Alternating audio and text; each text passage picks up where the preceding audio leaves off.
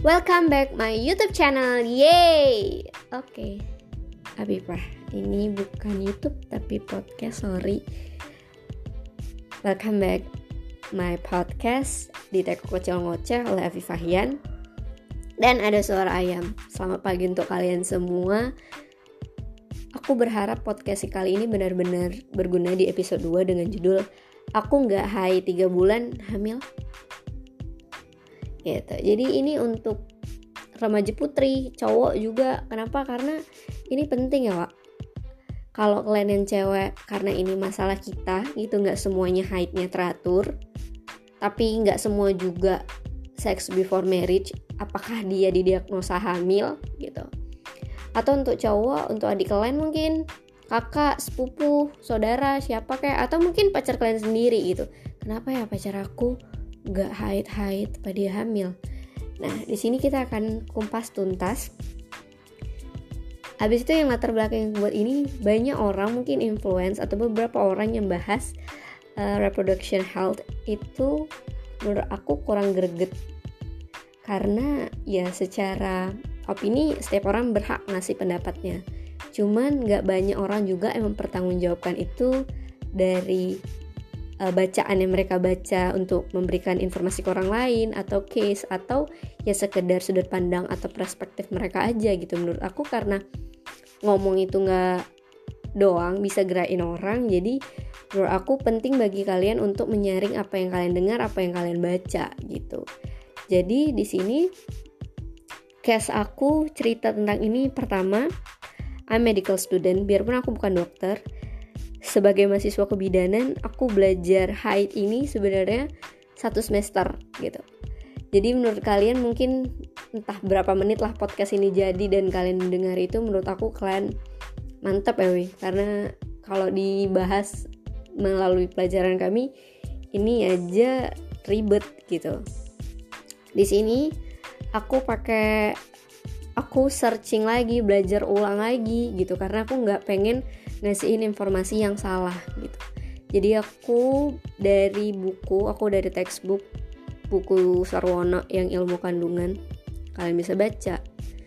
Terus kenapa aku juga buat kayak gini? Karena aku pengen juga ngajak teman-teman yang medical student lain mau itu dokter eh, perawat terus bidan untuk sama-sama mengedukasi teman-teman yang lain selama kita masih mahasiswa. Inilah yang kita bisa kasih karena kita belum bisa turun ke lapangan karena kita belum punya surat izin dan segala macam biarpun secara cakupan kita bisa lah dikit-dikit ya kan. Oke langsung aja. Banyak yang DM ke Instagram aku pakai fake account tapi sebenarnya kalau pakai akun kalian pribadi juga nggak apa-apa sih we. aku juga bukan tipe yang cerita-cerita ke orang gitu. Tentang dia nggak dapet dapet haid. Atau cerita langsung kayak yang lucunya tuh gini kayak misal aku punya kawan terus dia cerita ada kawan yang ketua nggak dapet haid jadi dia nanya gara-gara kawan ini tuh segen sebenarnya nggak masalah juga sih kalau itu emang kau gitu cuman ya hak kau juga gitu mau membilangkan juga mungkin malu privacy atau apa pun. Jadi banyak orang yang nanya ketika dia nggak haid satu bulan dua bulan masih oke okay lah. Ketiga bulannya habis itu dia khawatir dia cemas terus dia nanya dia hamil enggak? Sebenarnya rules yang harus kalian tahu selama kalian belum melakukan hubungan seks dalam tanda kutip maaf cakapnya misalnya hubungan badan atau bahasa pasarannya itu sorry ngentot gitu. Kalian nggak usah takut kalian hamil wa gitu. Karena banyak faktor lain yang buat kalian itu gak haid itu belum tentu hamil gitu. Bisa jadi ada gangguan di organ reproduksi kalian uh, stres, pola hidup dan lain sebagainya gitu. Jadi kita juga sebagai remaja jangan mengkategorikan misalnya ada cewek dia kayaknya baik-baik abis itu dia cerita. Padahal dia nggak tahu nih mau cerita ke siapa terus dia cerita ke kawan-kawannya aku nggak haid lah udah tiga bulan. Ih jangan-jangan kau hamil bunting kok ya. Sama siapa kok diam-diam ngeri kok jilbab. Jangan gitu juga gitu. Jadi jangan uh, mendiagnosa orang lain berdasarkan hal tersebut gitu. Karena bisa jadi ternyata dia sakit. Gitu yang harusnya kita kasih support ke dia kita malah jatuhin dia. Gitu. Terlebih dari dia cewek baik atau enggak fuck girl atau enggak yang berhak diagnosa itu dokter bukan kita gitu. Bahkan uh, kayak aku sendiri misalnya ntar jadi bidan. Nah habis itu gitu. Biarpun emang ada beberapa mungkin cewek yang dia nggak haid karena hamil gitu ya karena kelakuan dia juga. Cuman menurut aku yuk sekarang kita belajar untuk tidak uh, mendiskriminasi orang lain. Di luar dia kayak mana di luar itu urusan dia sama Tuhan gitu. Nah jadi uh, talking about menstruasi gitu. Di sini biasanya kita tahu kalau waktu kita SMP atau SMA haid itu adalah uh, dinding rahimnya itu kayak luruh gitu kan baru jadi si haid itulah gitu. Nah di sini aku membahas secara klinis. Jadi kalau misalnya simpelnya dia peluruhan dinding rahim terus jadi darah luruh gitu makanya sakit makanya ada nyeri. Di sini dikatakan haid itu secara klinis itu kita hitung berdasarkan tiga. Ini yang yang paling penting dan harus kalian ingat kalian catat juga karena ini bakal bahas ke pembahasan akhir juga klimaksnya. Pertama siklus haid. Siklus haid itu jarak dari haid pertama haid sampai hari pertama haid berikutnya. Gitu. Jadi kayak misalnya aku uh, hari ini haid. Dah habis itu si siklus haid ini adalah hitungan dari hari pertama aku haid sampai aku hari pertama haid berikutnya.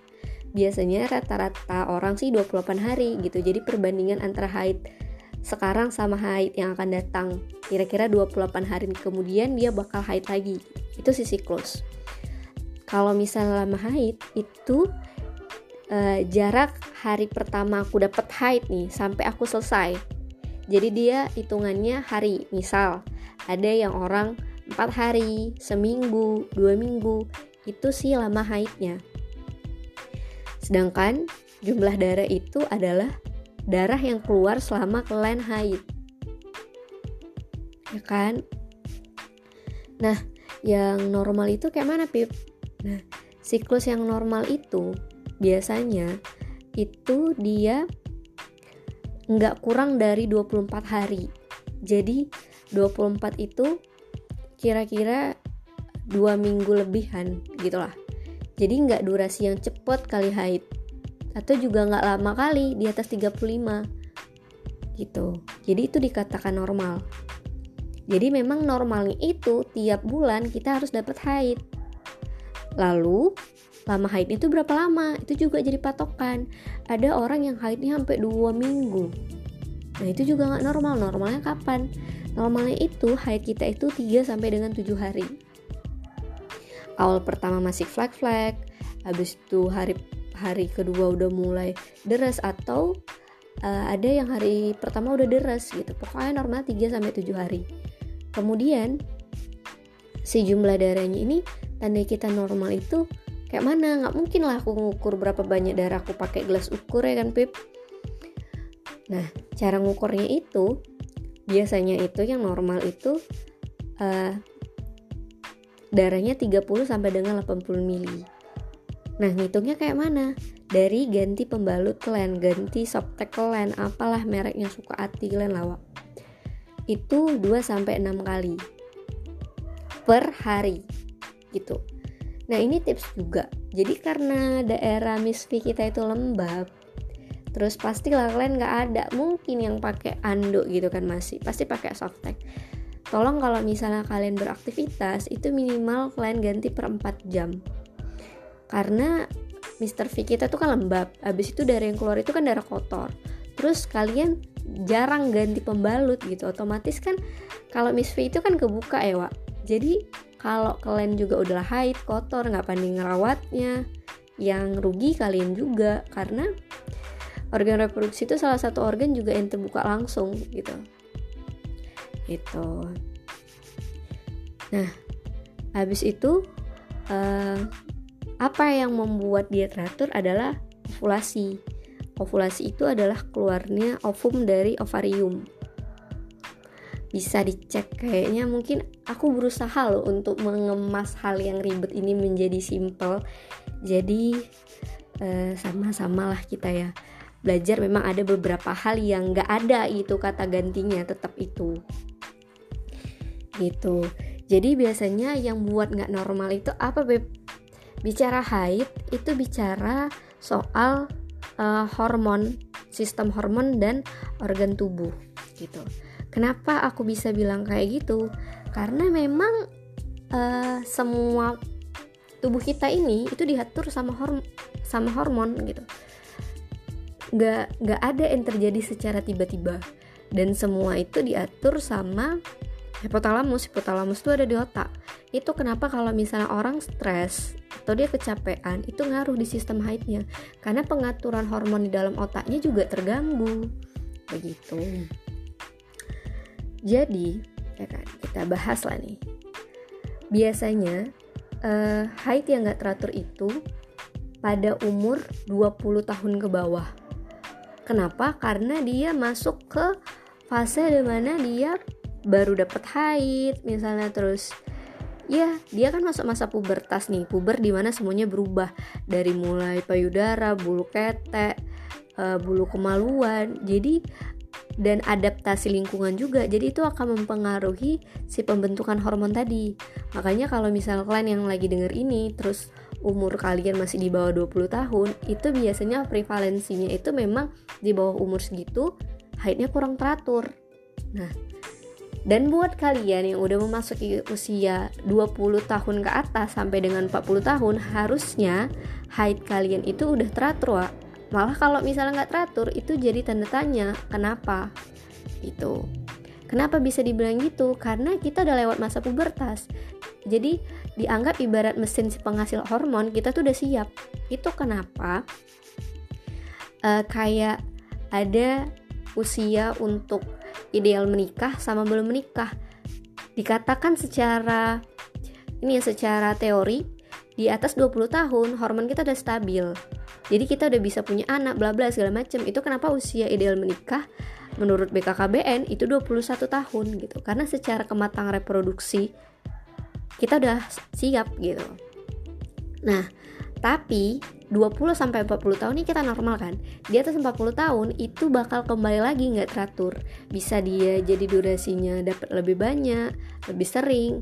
Kenapa? Karena udah mau menopause, kembali lagi. Sel-sel dalam tubuh kita berubah lagi fase menopause itu dikatakan kalau misalnya minimal satu tahun dia cuma dapat sekali haid. Gitu. Setelah itu tahun ke depannya dia sudah bisa dikatakan pasca menopause. Gitu. Nah jadi selain tadi si uh, hormon dan mempengaruhi usia orang yang terlalu kurus sama yang terlalu gemuk juga akan mempengaruhi rentang panjang si siklus haid itu. Gitu jadi kalau misalnya kalian juga siklus haid yang gak teratur coba cek lagi. Kalian kekurusan kayak aku atau kalian kegendutan gitu. Karena kayak misalnya kita terlalu kurus organ tubuh kita juga memaksa bekerja lebih banyak gitu. Otomatis ada yang terganggu si hormon itu. Tapi kalau misalnya kenapa kurus terganggu? Karena ya tubuh kita ibaratnya kekurangan uh, asupan nutrisi gitu. Kayak mana dia memproduksi hormon secara bagus. Tapi kalau misalnya gendut atau berat badan berlebih yang awalnya ditargeti misalnya cukup untuk yang yang misalnya misalnya dia cukup untuk 60 kilo tapi karena berat badannya misalnya 80 kilo atau lebih pasti kan si organ tubuh lain berusaha kayak kerja keras gitu kan untuk untuk memenuhi hormon-hormon yang lain. Jadi itu kenapa terganggu Nah, siaplah kita dari yang normal, kita bahas ke yang abnormal. Nah, ini agak jelimet. Gitu. Dan di sini juga apa ya? Dari sini kita belajar untuk tahu kenapa harus ku kasih tahu dan kenapa kalian harus tahu, Pak. Karena kayak kayak apa ya bilangnya? Ini untuk kalian gitu. Kayak orang-orang bilang misalnya di umur 30 tahun atau 40 tahun dia kena kanker cervix terus dia kena miom terus dia kena ini bla bla segala macam sebenarnya itu udah bisa dideteksi gitu dari sekarang gitu. Kenapa kok bisa bilang kayak gitu? Karena kalau misalnya ada yang salah dari sekarang sakit itu jadi kalau misalnya di medis tuh nggak ada yang tiba-tiba gitu. Pasti ada kenapa kenapanya kayak kalian nonton misalnya drama Korea nggak bisa jadi dia tiba-tiba meninggal pasti ada uh, oh rupanya bagian tubuh yang ini yang rusak. Oh rupanya dia ada pembocoran jantung dia ada penyakit jantung bla bla segala macam kayak gitu juga. Jadi di sini setidaknya kalian bisa wanti-wanti. Tapi dengan catatan kalian tidak mendiagnosa diri sendiri. Ini yang salah ya. Contoh kalian baca atau kalian denger ini terus kalian ngalamin gejala atau tanda-tanda yang sama terus kalian bilang oh aku sakit ini catatan sekali lagi wih yang berhak mendiagnosa itu dokter bukan kalian oke jadi nggak usah kepintar-pintaran. Jadi takutnya itu jadi suges dan jadi kenyataan. Jadi kalau misalnya kalian rasa nih oh kayaknya aku ada tanda-tanda kayak gini kalian ceknya ke dokter. Jangan iya wah aku baca di internet tanda-tanda itu kayak gini. Itu namanya kok kepintar-pintaran wah ya kepandai-pandaian. Oke jadi udah tau lah sih haid normalnya harus kayak mana. Terus kenapa persepsi orang gak haid 3 bulan itu pasti hamil. Memang tanda-tanda kau hamil itu kau nggak dapet haid. Tapi bukan berarti kau nggak haid terus kau hamil. Ya kan? Kenapa aku bilang kayak gitu? Karena kalau misalnya di kebidanan nih sebagai mahasiswa kebidanan ada kalau orang hamil nih ada tanda pasti hamil sama tanda belum pasti hamil. Bedanya apa Beb? bedanya kalau kau nggak haid 3 bulan itu kau tanda mungkin hamil tapi kau belum pasti hamil. Kenapa kok gitu? Ya Wak. Kau pernah dengar istilah hamil anggur nggak? Itu dia tes packnya positif. Dah kayak orang hamil biasa cuman rupanya janinnya nggak berkembang. Biarpun dikatakan hamil anggur tapi itu nggak hamil karena dalamnya nggak janin. Nah bisa juga ternyata kau nggak haid terus perut kau besar. Ya kan? Tapi ternyata bukan hamil tapi ada miom ada pembesaran di organ reproduksi kau. Jadi tanda pasti hamilnya itu apa Beb? pertama ya kau harus cek ke dokter aspek positif. Habis itu ada gerakan janin. Tapi biasanya gerakan janin ini bisa dihitung di atas 20 minggu. Udah mulai ada detakan janin sorry detak det, denyut jantung janin ya. Dah. Itu baru bisa dirasain. Dan ini ceknya ke dokter objin kayak gitu. Atau kalau kau ke bidan ya paling kau bisa cuman cek tinggi fundus uteri. Gitu. Habis itu ngitung masa subur dan lain sebagainya. Cuman untuk pastinya silahkan USG apakah memang kau nggak haid dan perut kau besar tuh gara-gara kau hamil? Atau karena penyakit yang lain? Gitu. Dah. Jadi intinya kalau misalnya kau nggak hubungan badan nih dalam arti kata maaf cakap ngentot kok nggak usah takut hamil nggak usah takut bunting. Bisa jadi kau stres bisa jadi kau capean atau bisa jadi yang lain. Tapi cek dulu ke dokter. Bisa ke dokter objin bisa ke dokter ginekologi. Ya kan nah nah siap itu kita bahas lah sih nggak normal ini tadi. Ya kan? Nah gangguan normal ini juga biasanya yang pertama Haid itu kan interaksi kompleks ya antara sistem hormon sama organ tubuh ya kan? Yang melibatkan hipotalamus yang ada di otak, hipofise, ovarium dan lain sebagainya gitu. Jadi biasanya ini gak normal karena banyak hal juga. Jadi aku apa namanya uh, kategoriin Pertama, gangguan haid biasanya pada masa reproduksi. Reproduksi itu usia kita ya.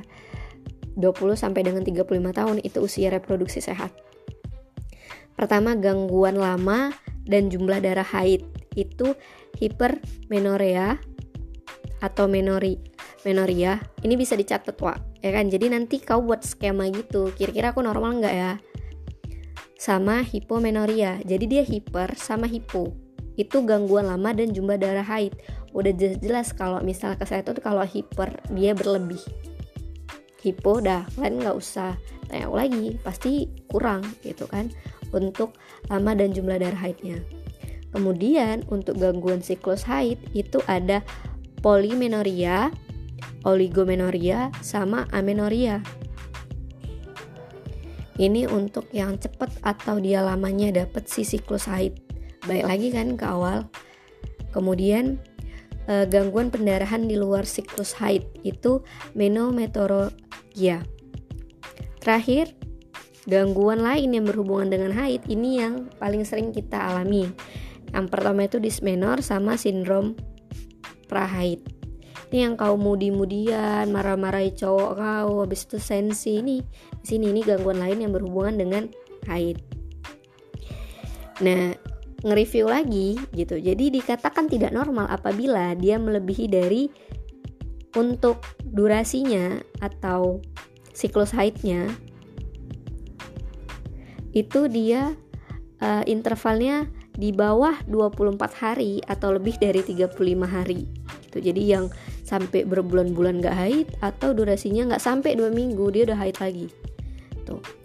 Ini kita flashback. Abis itu yang kedua uh, si lama haid yaitu lebih dari tujuh hari atau di bawah tiga hari karena yang normal 3 sampai 7 hari. Habis itu uh, jumlah haidnya gitu. Dia melebihi dari 30 sampai dengan 80 mili atau satu hari itu dia lebih dari 60 kali 60 kali 6 kali ganti pembalut. Ya kan? Nah, rules catatan juga penting. Ini yang juga sering keliru. Jadi mengenai haid ini juga ada kaitannya ke selaput darah. Ya kan? Perawan atau enggaknya. Jadi gini, weh. Setiap cewek itu pasti selaput darahnya itu itu robek. Gitu. Jadi kalau misalnya pecah perawan ini apa segala macem setiap cewek itu memang dia udah ada bolongannya gitu udah memang selaput darahnya itu udah nggak kayak ini kita bayangi kayak aqua cup ya atau mineral mineral water yang cup yang gelas gitu si tutupnya itulah selaput darah kita. Setiap cewek itu selaput darahnya pasti ada bolongnya. Cuman bukan robek. Jadi nggak ada yang bener-bener tutup ada sih cuman itu kelainan. Kenapa biasa dibilang kelainan? Karena gini wak. Kita ngebayangin ya nggak apa-apa ngebayangin. Kalian ngebayangin penis gitu. Penis atau mungkin sorry maaf cakapnya burung atau apalah. Dah itu lobang keluar sperma sama. Untuk kencing kan sama kan? Tapi kalau misalnya cewek pasti pasti yang denger ini atau kalian cowok kalau kalian yang normal pasti kalian pernah nonton bokep. Gitu kan? Tempat keluar kencing sama lubang masuk untuk senggama senggama. Sekali bahasa gue senggama itu untuk bahasa. Maaf sorry ya we kalau misalnya di sini aku bahasa kotor sorry. Tapi ini kesehatan reproduksi. Jadi aku bakal gunain bahasa bahasa pasaran supaya kalian lebih cepet ngerti. Kalau cewek untuk keluar kencing sama untuk senggama atau ngentotnya itu itu kan beda ya dan itu kan terbuka di tempat keluar haid itu bukan tempat keluar kencingnya kan tapi tempat waktu pas untuk ngentotnya kan jadi logikanya kalau misalnya si selaput darah kalian itu nggak lobang, nggak mungkin darah kalian tuh keluar. Kalau nggak keluarnya dari mana? Nggak mungkin keluar dari tempat kencing. Kalau misalnya keluar dari tempat kencing, berarti penyakit kalian lain. Ya kan bisa jadi penyakit menular seksual. Nah, itu bisa kalian cari di Google. Coba bentuk-bentuk selaput darah, pasti banyak tuh. Bedanya balik tadi ke si uh, cup mineral water tadi tuh yang di atasnya yang kayak aqua. Ada yang dia bolongnya di tengah. Ada dia yang bolongnya kayak bentuk uh, saringan. Titik titik titik titik titik gitu. Ada yang bentuknya bolongannya nggak pas di tengah di pinggir jadi yang dikatakan nggak perawan itu nggak semua selaput darahnya tuh robek maksud nggak sih kayak kalau dia masih ibaratnya hmm, masih gadis gitu selaput darahnya itu pasti robek cuman nggak koyak semuanya. Tapi kalau dia udah mama udah sering udah ibarat kita udah jebol itu si mineral cupnya tadi itu tutupnya itu udah nggak ada. Udah jadi kayak lobo itu nah gitu oke jadi balik ke si nama-nama yang aneh ini tadi aku sebutin. Jadi biasanya kalau misal pendarahan nggak normal itu dia uh, ada empat yang paling sering. Itu sih menoragia ya. Itu yang gangguan lama dan jumlah haidnya. Itu intervalnya uh, teratur dia dapatnya teratur. Tapi jumlah darah dia itu yang keluar itu lebih dari normal. Contoh si menoragia ini aku tiap bulan tuh dapet. Tapi kalau aku sekali dapet haid itu banyak kali. Aku harus pakai pembalut yang malam gitu. Nah jadi durasinya itu lebih dari normal. Terus uh, meno metroragia itu intervalnya itu nggak teratur tapi jumlahnya itu normal. Contoh metroragia itu jadi ada menoragia sama metroragia si metro ini dia nggak pasti dia dapet dia pasti dapet tiap bulan cuman tanggalnya itu nggak pas. Cuman normal untuk jumlah darah yang keluar gitu nah habis itu si oligo. Oligomenoria itu dia dapat haid yang lama tapi dia bakal dapat jadi contoh aku haid dua bulan sekali tapi aku pasti dapat karena itu yang dibilang intervalnya lebih dari 35 hari. Habis itu terakhir polimenoria itu yang dia dapat interval waktunya itu lebih cepat. Biasanya nanti untuk orang-orang kurus. Jadi kayak belum ada satu bulan dia udah dapat lagi. Jadi satu bulan dia dapat dua kali. Nah kita bahas nih ya kan? Si menoragia ini jadi dia itu ganti pembalut lebih dari enam kali nah ini biasanya terjadi ini ini tapi tergantung diagnosa dokter sih. Ada miom jadi dia kayak ketekan gitu terus darahnya keluar banyak. Tuh. Habis itu uh, polimenoria itu yang dia satu bulan dapat dua kali. Nah itu semuanya pasti ada uh, gangguan dari gangguan dari pembentukan sel telurnya di ovum dan lain sebagainya. Terus si oligo ini nah ini dia yang siklusnya itu kayak dua bulan dia baru dapat haid. Biasanya kenapa? Biasanya itu ada gangguan uh, sama hormonnya gitu. Biasanya itu karena stres fisik emosi ataupun ada penyakit kronis atau gangguan nutrisi entah berlebihan atau kekurangan juga gitu.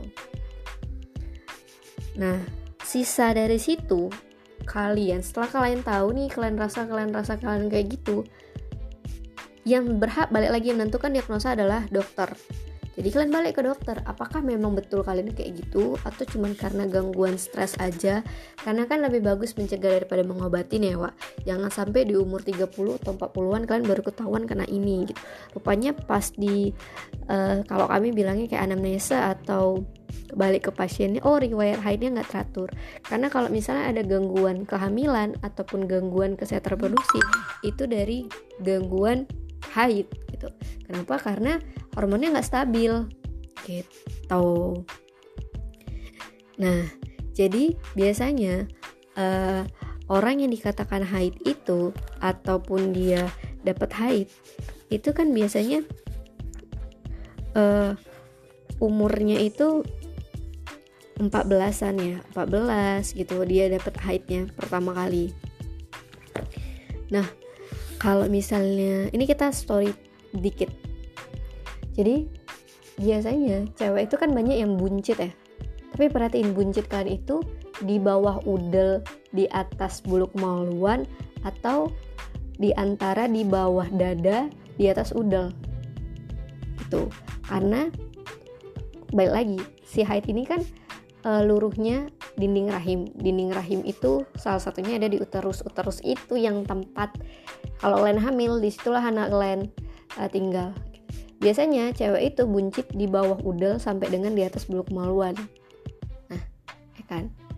Kenapa buncit? Pasti haid kalian nggak teratur juga. Selain pola makan kalian nggak teratur biasanya orang yang uh, haid yang nggak teratur juga pasti dia bakal lebih buncit. Kenapa? Darah haid yang keluar uh, nggak bagus terus durasi harinya juga kadang haid kadang enggak jadi dia numpuk jadi biasanya kalau yang nggak normal atau nggak haid haid itu kalau udah numpuk kali perutnya terus jadi buncit dan jadi besar gara-gara dinding rahimnya ketebelan itu itu ada yang di kuret kuret itu yang apa sih bilangnya?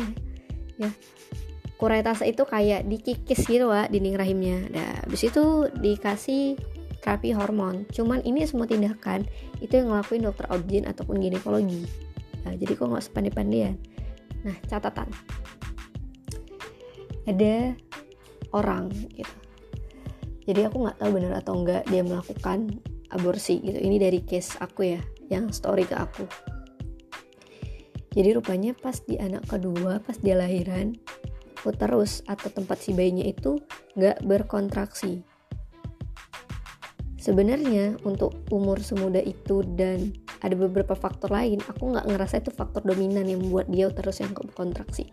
Tapi iming-iming dia pernah aborsi itu jadi landasan teoritis di otakku gitu. Kenapa? Karena semuanya yang harusnya normal tapi kalian paksa contoh kalian misalnya bunting atau hamil luar nikah terus kalian aborsi oke okay, mungkin kalian selamat sekarang pak tapi itu akan mempengaruhi kehamilan kalian selanjutnya karena yang harusnya nggak kalian kerok kalian kerok. Terakhirnya dia nggak bekerja secara spontan lagi gitu.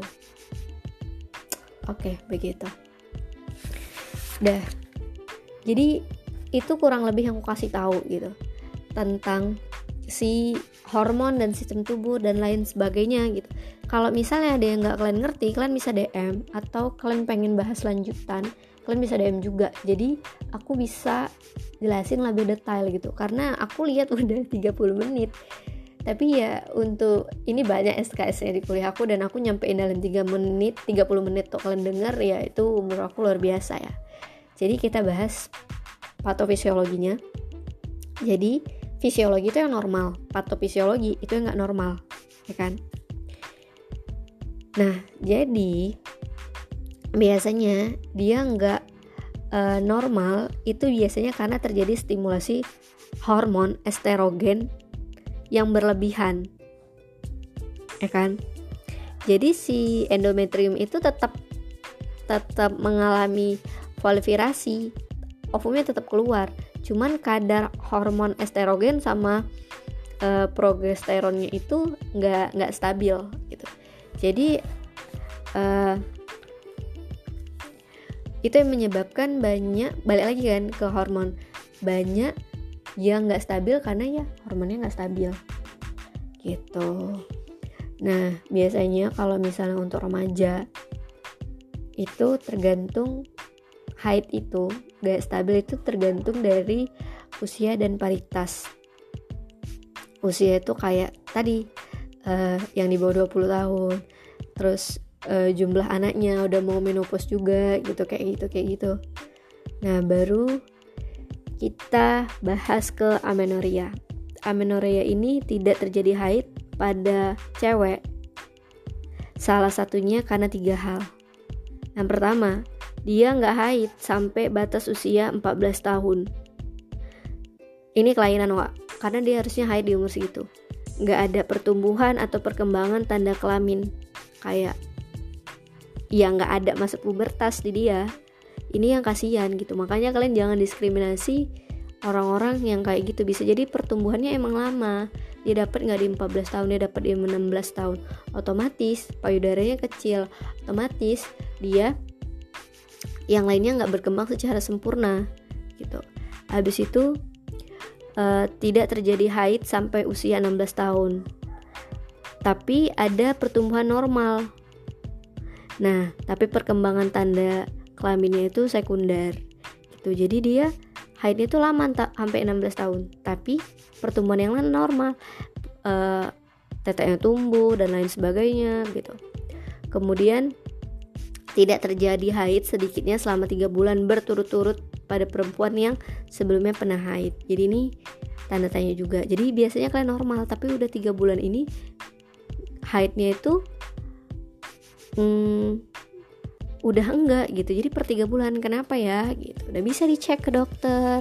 Jadi berobat itu nggak harus nunggu kalian sakit baru kalian ke rumah sakit. Itu persepsi yang salah di masyarakat kita.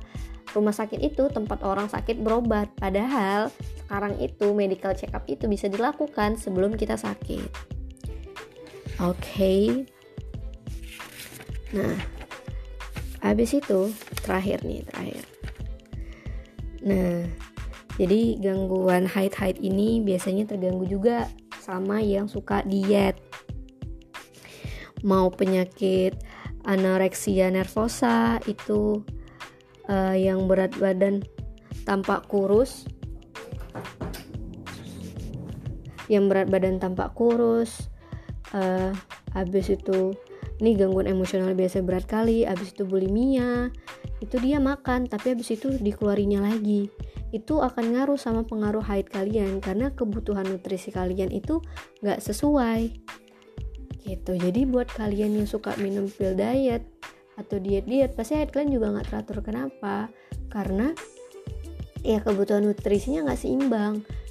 Wah tapi aku pengen kurus. Iya jadi aku pernah baca buku, bukunya itu The Power of Habit. Gak ada orang yang langsung kurus tiba-tiba drastis.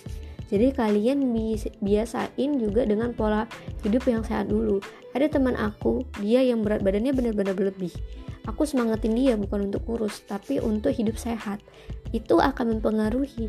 Jadi setidaknya badannya tuh nggak terkejut gitu loh, Wak kalian pikirkan kalian mau kurus sekarang atau kalian sehat sampai kalian punya anak sampai kalian ini apa segala macam karena banyak kan orang misalnya yang dia nggak dapat dapat hak anak oh rupanya dia suka konsumsi obat-obat kayak ini pil pengurus dan lain sebagainya karena kalau misalnya kalian salah-salah minum obat itu mungkin efeknya nggak sekarang nggak setahun atau dua tahun tapi nanti gitu jadi lebih baik lah sesuai dengan anjuran atau resep dokter Nah, habis itu nih gangguan lain yang hubungannya dengan haid yaitu dismenor. Dismenor itu nyeri haid. Senggugut orang bilangnya. Sebenarnya setiap orang itu pasti ada dismenornya, Wak. Cuman kenapa ada orang yang sakit kali sama enggak? Biasanya tingkat rasa nyeri orang itu beda-beda. Kayak misalnya aku, mungkin aku kalau disuntik aku nggak terasa sakit tapi kalau misalnya kalian disuntik kalian terasa sakit jadi namanya peluruhan sel dinding rahim pasti kalau misalnya ada yang lepas itu sakit ya kan nah tapi ini dibagi lagi ada dismenor dismenor primer sama sekunder ya biasanya cuma dismenor itu dia cuma rasa kram uh, terpusat di abdomen bawah. Nah, ini tadi aku bilang balik. Biasanya kenapa cewek buncit, tapi perhatiin buncitnya. Kalau dia buncitnya di segmen abdomen bawah, itu dari bawah udel gland, pusat gland sampai atas kemaluan, itu abdomen bawah. Karena letak uterus tuh di situ. Pasti kalau dismenor sakitnya di situ. Dan kalau misalnya kalian buncitnya di situ, ya mungkin kalian haidnya nggak teratur gitu. Habis itu yang uh, primer. Yang primer ini lebih uh, di atas lagi ya. Jadi ini nyeri haid tapi dia nggak ditemukan. Tanpa ditemukan keadaan patologi pada panggul. Jadi biasanya ini karena uh, pengaruh hormon yang lebih besar. Gitu mau dia uh, tentang prostaglandin atau dan lain segala macam jadi ini stimulasi kontraksi uterus gitu. Keluhannya itu sampai yang muntah gitu pak mual muntah nyeri kepala diare disertai juga rasa nyeri. Gitu. Karena adanya sih kadar prostaglandin dalam tubuh dia waktu dia mau haid itu tadi. Habis itu yang terakhir itu dismenor sekunder. Jadi ini nyeri haid yang dia udah ada di patologis genitalia dia genitalia itu organ reproduksi kalian misalnya dia kena endometriosis, terus miom, terus penyakit lah pokoknya radang panggul. Jadi yaudah senggugut kelan yang normal itu cuma rasa kram di bagian bawah perut. Dah itu biasanya mules nyeri itu masih ya pasti orang ngerasain lah. Cuman kalau misalkan udah sampai muntah, habis itu sakit kepala, bla bla segala macem bisa jadi itu ada pengaruh si prostaglandin itu menghambat kontraksi uterus gland dalam tubuh.